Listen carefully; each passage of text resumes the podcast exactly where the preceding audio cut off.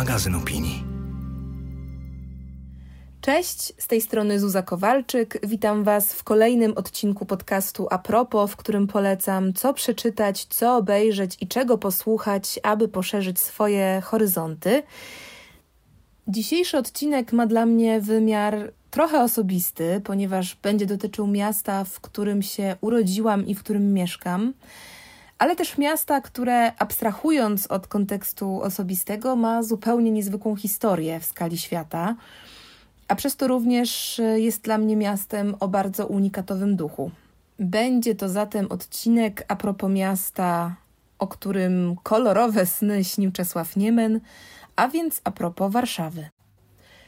Partnerem tego odcinka jest Muzeum Warszawy, muzeum, którego główna siedziba mieści się na rynku Starego Miasta, które działa od 1936 roku jako oddział Muzeum Narodowego i które stało się w pewnym sensie opoką warszawianistyki, opiekunem historii Warszawy. Teraz z oczywistych przyczyn pandemicznych muzeum jest y, tymczasowo zamknięte, ale polecam Wam sprawdzić warsztaty i wykłady, które muzeum organizuje online, e, a także przejrzeć jego ofertę wydawniczą, która zasila zbiór moich dzisiejszych rekomendacji, a która jest naprawdę bardzo ciekawa, bardzo różnorodna. Mm, a przy tym, e, co jak wiecie, jest dla mnie ważne, jeśli słuchaliście wcześniejszych odcinków tego podcastu, są to książki bardzo pięknie wydane. Zacznę od tego, że ta niezwykłość historii Warszawy opiera się oczywiście głównie na historii jej niemal całkowitego zniszczenia podczas wojny, e, ale też historii jej późniejszej odbudowy. Opiera się też na licznych mitach na temat jej urody, nowoczesności i kondycji przed wojną. Jedną z takich najczęściej powtarzanych opowieści jest ta, że Warszawę nazywano w Europie w tym okresie międzywojennym Paryżem Wschodu albo Paryżem Północy. Pojawiały się nawet głosy, że to Paryż nazywano Warszawą Zachodu.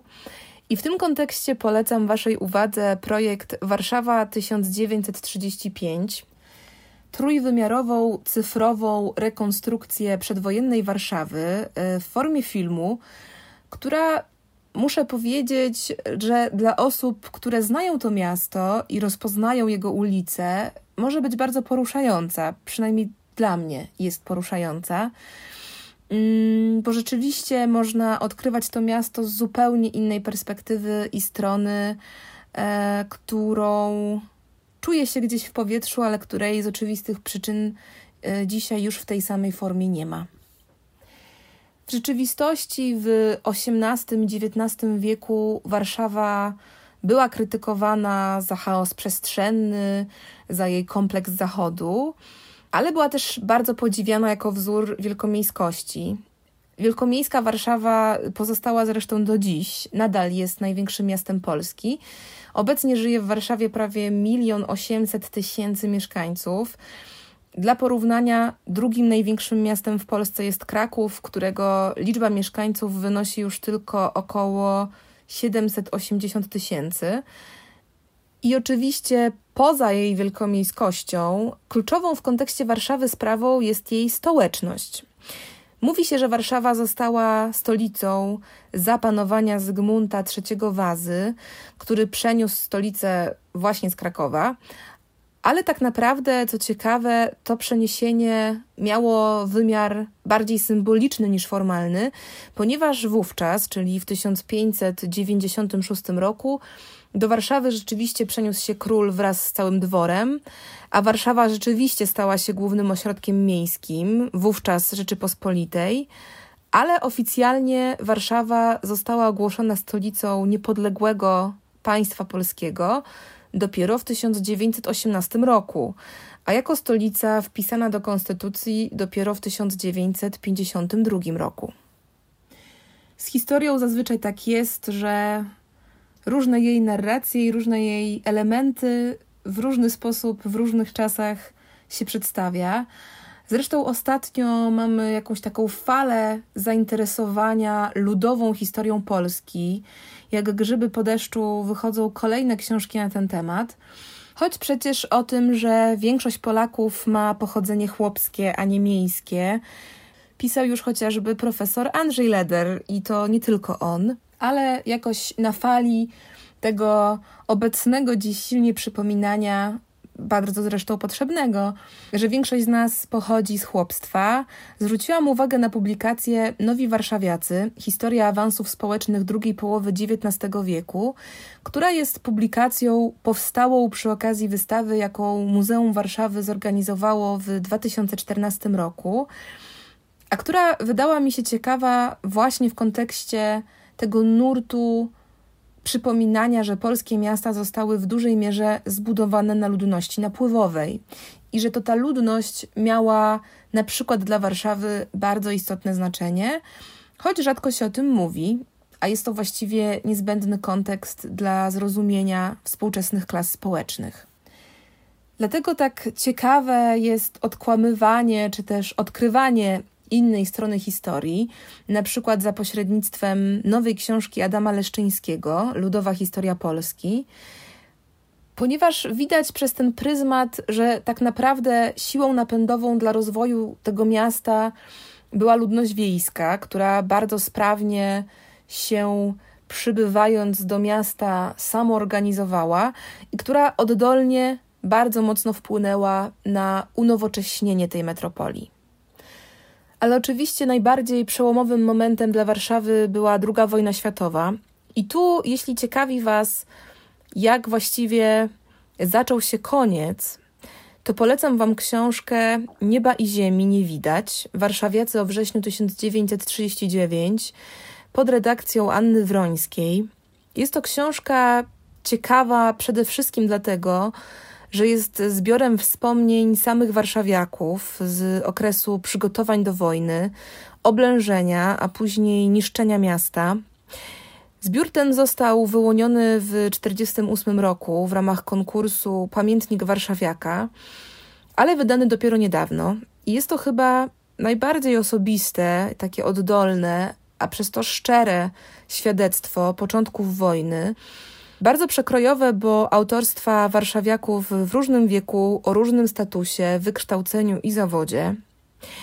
Znamy dobrze w tym nurcie pamiętnikowym takie klasyki, jak choćby pamiętnik z powstania warszawskiego Mirona Białoszewskiego, ale też y, już stricte odnośnie roku 1939 Ostatnio głośno zrobiło się chociażby o książce wydanej przez wydawnictwo Dwie Siostry, Widziałem pięknego dzięcioła, dziecięcym dzienniku z lata 1939 roku Michała Skibińskiego, y, gdy pisał ośmioletniego.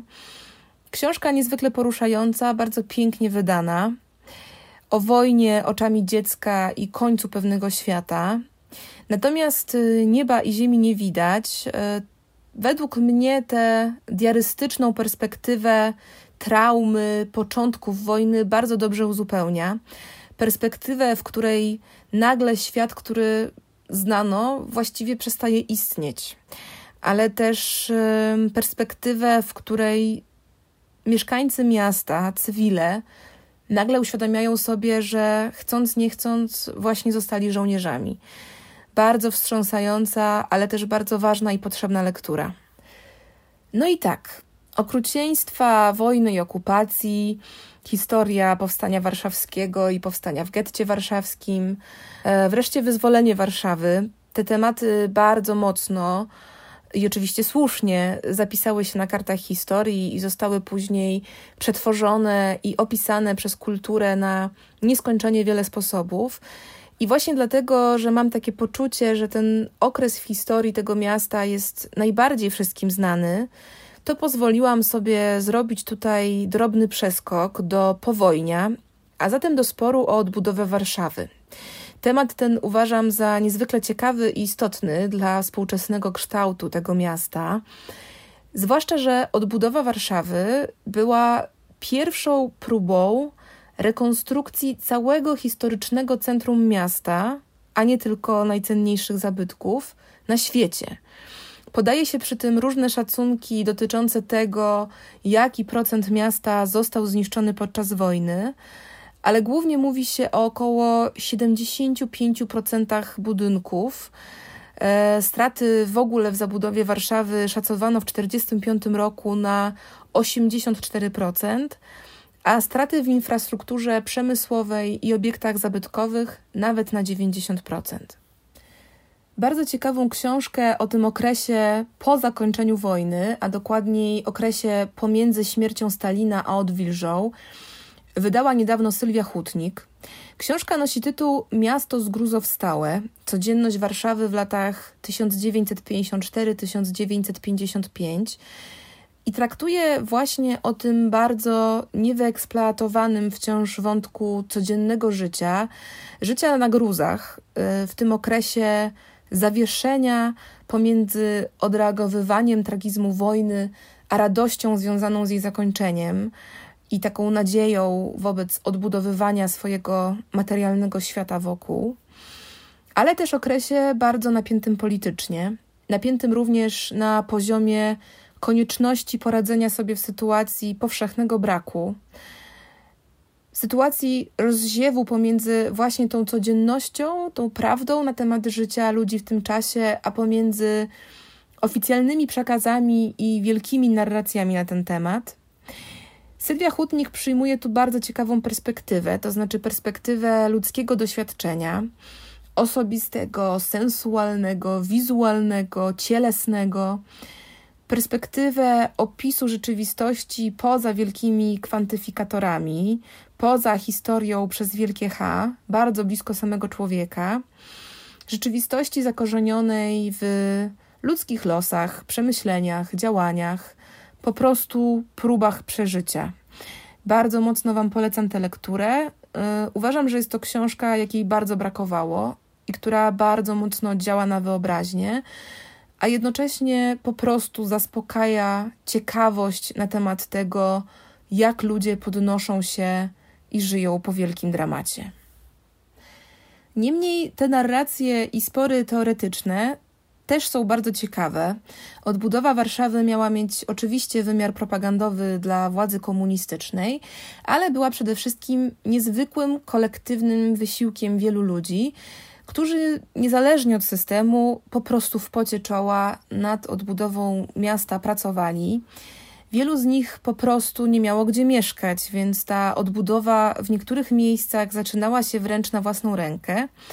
No i niezwykle ciekawy obok tego oddolnego kontekstu jest y, cały wymiar raz, że logistyczny, a dwa koncepcyjny. No bo jak odbudować miasto? Zgodnie z tym, jak wyglądało wcześniej, czyli odbudowywać zabytki, czy też je modernizować i poprawiać? Jak ustalać nową funkcjonalność urbanistyczną? Czy w ogóle celem jest to, żeby stawiać na funkcjonalność urbanistyczną, y, czy też kluczowe staje się negocjowanie z socrealizmem, a więc z polityką. Czy skupić się na planie dalekosiężnym, takim przemyślanym i idealistycznym, y, czy też na tym, co jest y, tu i teraz, czyli sytuacji, w której ludzie nie mają dachu nad głową i działać trzeba szybko. Ale też kto robił na odbudowach i przebudowach miasta najlepszy interes i czemu ten interes często nie służył dobru samego miasta. Albo jak architektura i kondycja tego miasta jest uwikłana i określona poprzez historię XX wieku. No jest to bardzo ciekawe i powstało na ten temat wiele świetnych książek, świetnych opracowań i bardzo ciekawych wydarzeń. Mm, na przykład Muzeum Sztuki Nowoczesnej w Warszawie regularnie organizuje festiwal Warszawa w budowie, poświęcony właśnie odbudowie miasta, które odbywało się wtedy i odbywa się właściwie wciąż w bardzo różnych kontekstach, ze skupieniem się na różnych wyzwaniach, różnych elementach tej historii, różnych odkryciach w tej historii, od planowania przestrzennego przez architekturę po wspólnotę lokalnej społeczności. Bardzo polecam Wam śledzić to wydarzenie i wszystkie związane z nim inicjatywy. I przykładowo taką inicjatywą związaną z tym wydarzeniem była na przykład publikacja Muzeum Sztuki Nowoczesnej, która powstała we współpracy z Muzeum Warszawy, a jej tytuł brzmi Spór o odbudowę Warszawy od gruzów do reprywatyzacji. E, jest to publikacja pod redakcją Tomasza Fudali. Bardzo pokaźne opracowanie tematu, e, wydane przy okazji wystawy Spór o odbudowę w ramach festiwalu Warszawa w budowie. E, opracowanie, które miało na celu przede wszystkim zebrać i uporządkować wiedzę na temat tego bardzo rozbuchanego i wielowątkowego konfliktu w całej jego złożoności. Konfliktu, który, jak pisze we wstępie dr Jarosław Trybuś, i tu będę cytować, przechodzi z pokolenia na pokolenie, w którym architektura miesza się z polityką, urbanistyka z ideologią, a kapitał żywi się nostalgią. I to wszystko w połączeniu z realnymi dramatami wysiedlanych lokatorów, ogromnymi odszkodowaniami zasądzanymi z naszych pieniędzy tym, którzy reprezentują tzw. Tak dawnych właścicieli i hasłami potępiającymi odbudowę rzucanymi przez tych, co tęsknią za przedwojenną Warszawą, której nigdy nie widzieli. Bardzo ciekawe, bardzo potrzebne i bardzo wyczerpujące spojrzenie na temat stawiania Warszawy od nowa na nogi, ale też myślę, że jest to w ogóle ciekawe w kontekście trochę szerszym i dalszym, to znaczy tego, jak w ogóle większość tego, co y, w Polsce publiczne, jest tak silnie polityczne i że ten porządek estetyczny, który mamy w przestrzeni miejskiej, jest y, z tą polityką bardzo silnie powiązany. Jeśli jednak interesuje Was coś y, skonkretyzowanego na jednym aspekcie tego sporu, a nie sporze w jego całej szerokości i różnorodności, to zainteresuje Was z pewnością antologia reportażu o, mm, no tak, nie mogło być inaczej, Pałacu Kultury czyli chyba najbardziej spornym i konfliktogennym elemencie warszawskiego krajobrazu. Książka ta nosi tytuł Jako dowód i wyraz przyjaźni i powstała pod redakcją Magdaleny Budzińskiej i Moniki Schneiderman w wydawnictwie Czarne. Są tu teksty takich reportażystów i reportażystek jak choćby Hanna Kral, Mariusz Szczygieł, Cezary Łazarewicz czy Andrzej Friszke kilkadziesiąt tekstów z okresu ponad 60 lat istnienia tak zwanego Pekinu, o tym zarazem najbardziej ukochanym i znienawidzonym budynku stolicy. A więc y, spór o Warszawę w Soczewce. I jeszcze polecenia w tym wątku uzupełnię o chyba najbardziej znaną książkę na temat odbudowy Warszawy, czyli Najlepsze miasto świata Warszawa w odbudowie 1944-1949. Książka autorstwa Grzegorza Piątka, która koncentruje się przede wszystkim na tym entuzjazmie początków odbudowy miasta, o wyobrażeniach tego tytułowego najlepszego miasta świata, czyli o tym, jak tworzenie czegoś od nowa daje paliwo utopiom ale też jak te utopie przekładają się później na projekty totalitarne, ale też jak rozrost miasta nie oznacza jego rozwoju. Y, bardzo ciekawa analiza, diagnoza. W tym utopijnym wymiarze ciekawie koresponduje dla mnie z tekstem, który opublikowałam w styczniowym numerze pisma, o tym, jak gruzy świata, który znamy, dają przestrzeń marzeniom o świecie lepszym, doskonalszym, tu ciekawie ten wątek staje się punktem wyjścia do refleksji o Warszawie właśnie, jako mieście sporu, mieście motywacji ideologicznych, mieście stawianym i z planem, i bez planu, ale też mieście budowanym na marzeniach lepszego życia po wojnie. Bardzo mocno polecam Wam tę lekturę. O tej książce było swego czasu bardzo głośno i jestem pewna, że wraz z lekturą zrozumiecie dlaczego. A jak ten spór przełożył się i wpłynął na miasto, jakie widzimy i znamy dziś, czyli o tym, skąd takie, a nie inne wielorakie i często nieprzystające do siebie porządki architektoniczne i estetyczne dominują w dzisiejszej Warszawie, ale też jak wiele funkcji i prospołecznych zadań to miasto miało spełniać i które z nich y, w rzeczywistości spełnia. O tym przeczytacie w dwóch y, bardzo ciekawych książkach, które na Warszawę, jej przestrzeń i funkcjonalność oraz właśnie tę prospołeczność patrzą z perspektywy współczesnej i co ciekawe, takiej miejsko-aktywistycznej. Pierwsza z nich to książka pod tytułem Chaos Warszawa porządki przestrzenne polskiego kapitalizmu autorstwa Joanny Kusiak.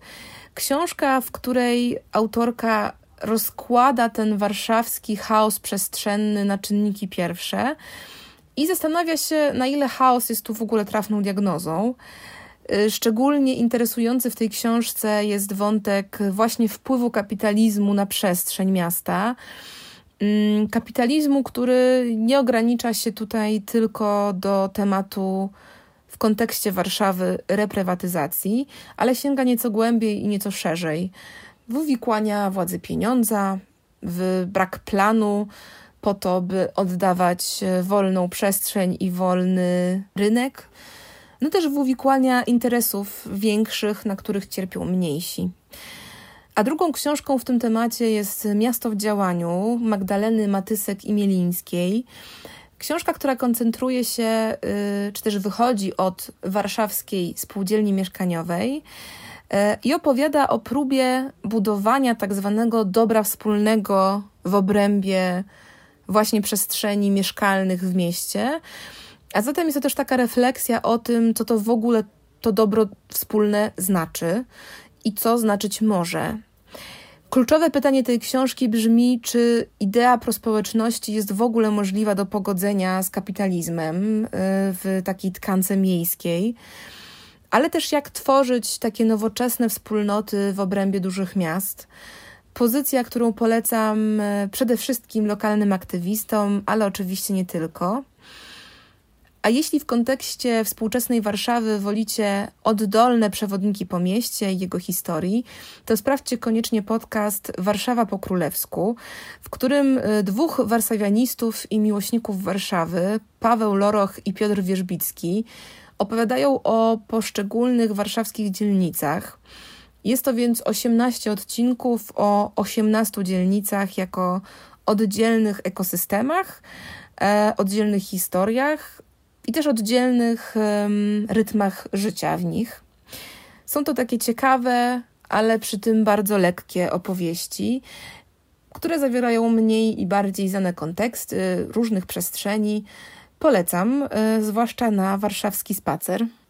I cóż, przeszliśmy tak przez historię Warszawy od wojny, przez jej odbudowę po współczesność ale chętnie polecę Wam jeszcze kilka pozycji, które gdybym miała zaklasyfikować do jakiejś jednej wspólnej kategorii, to nazwałabym ją chyba roboczo innym spojrzeniem, bo są to teksty, które na Warszawę spoglądają właśnie z jakiejś nieoczywistej perspektywy, czyli na przykład z zewnątrz, jak w przypadku książki Ukryty modernizm Warszawa według Christiana Kereza w której Warszawa jest y, oglądana oczami szwajcarskiego architekta Christiana Kereza, który poznając Warszawę zakochał się dokładnie w tym, co wielu jej mieszkańców uważa zapewne za najbardziej szkaradne, a więc spuściźnie PRL-u i warszawskim modernizmie.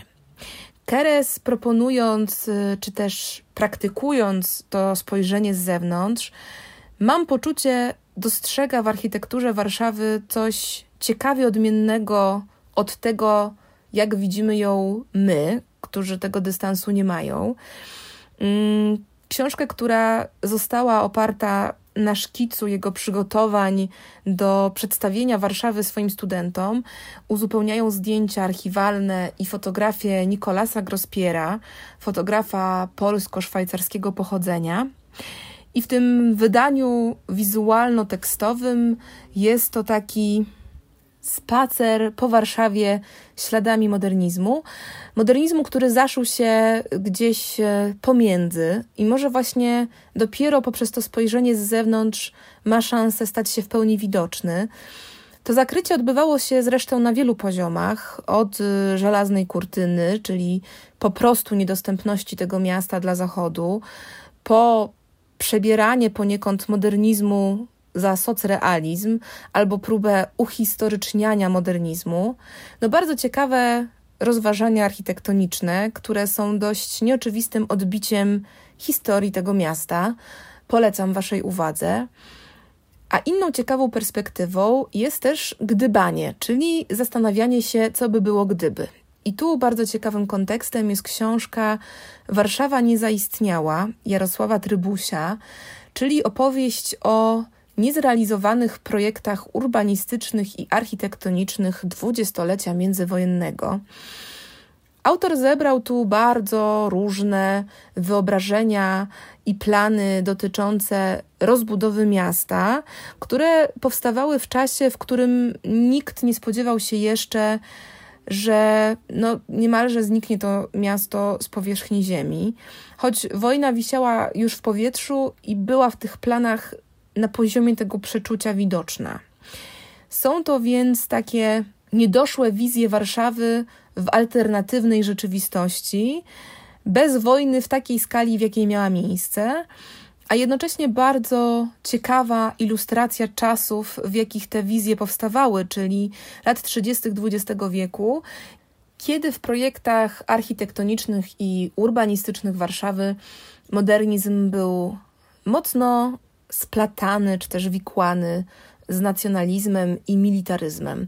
Bardzo ciekawe opracowanie, niedawno we wznowionym wydaniu. A jeszcze innym spojrzeniem jest też spojrzenie na codzienność życia miejskiego, o czym wspominałam już przy okazji e, książki Sylwii Hutnik Miasto zgruzowstałe a które chcę uzupełnić jeszcze o dwa ciekawe konteksty. I pierwszym z nich jest książka wydana przez Muzeum Warszawy, właściwie reportaż Katarzyny Chudyńskiej-Szuchnik, e, zatytułowany Zręczni Historie z warszawskich pracowni i warsztatów. Są to opowieści o ludziach, e, głównie rzemieślnikach i rękodzielnikach, i z tych opowieści wyłania się obraz warszawskiego rzemiosła, tych stołecznych, mniejszych i większych pracowni, takich sztuk trochę już dzisiaj wypieranych, e, a niektórych już całkiem wypartych które jednak jakoś staramy się choć trochę ocalić. Od bednarstwa, czyli wyrobu naczyń i opakowań z drewna, przez brązownictwo i ceramikę, albo cukiernictwo, kaletnictwo czy introligatorstwo, po krawiectwo, szewstwo czy zegarmistrzostwo. No jest to opowieść o fachu, pasji i życiu rzemieślniczym, które kapitalizm stopniowo wykańcza, a które miejscami y, jednak y, transformacje przetrwały, za którymi to chowa się też w nieoczywisty sposób wielka historia, na przykład y, tam, gdzie znikają z Warszawy żydowskie pracownie i warsztaty, ale też tam, gdzie po prostu rękodzielnictwo i rzemiosło własnych rąk wypiera maszyna, taśma, szybkość, prędkość, ilość.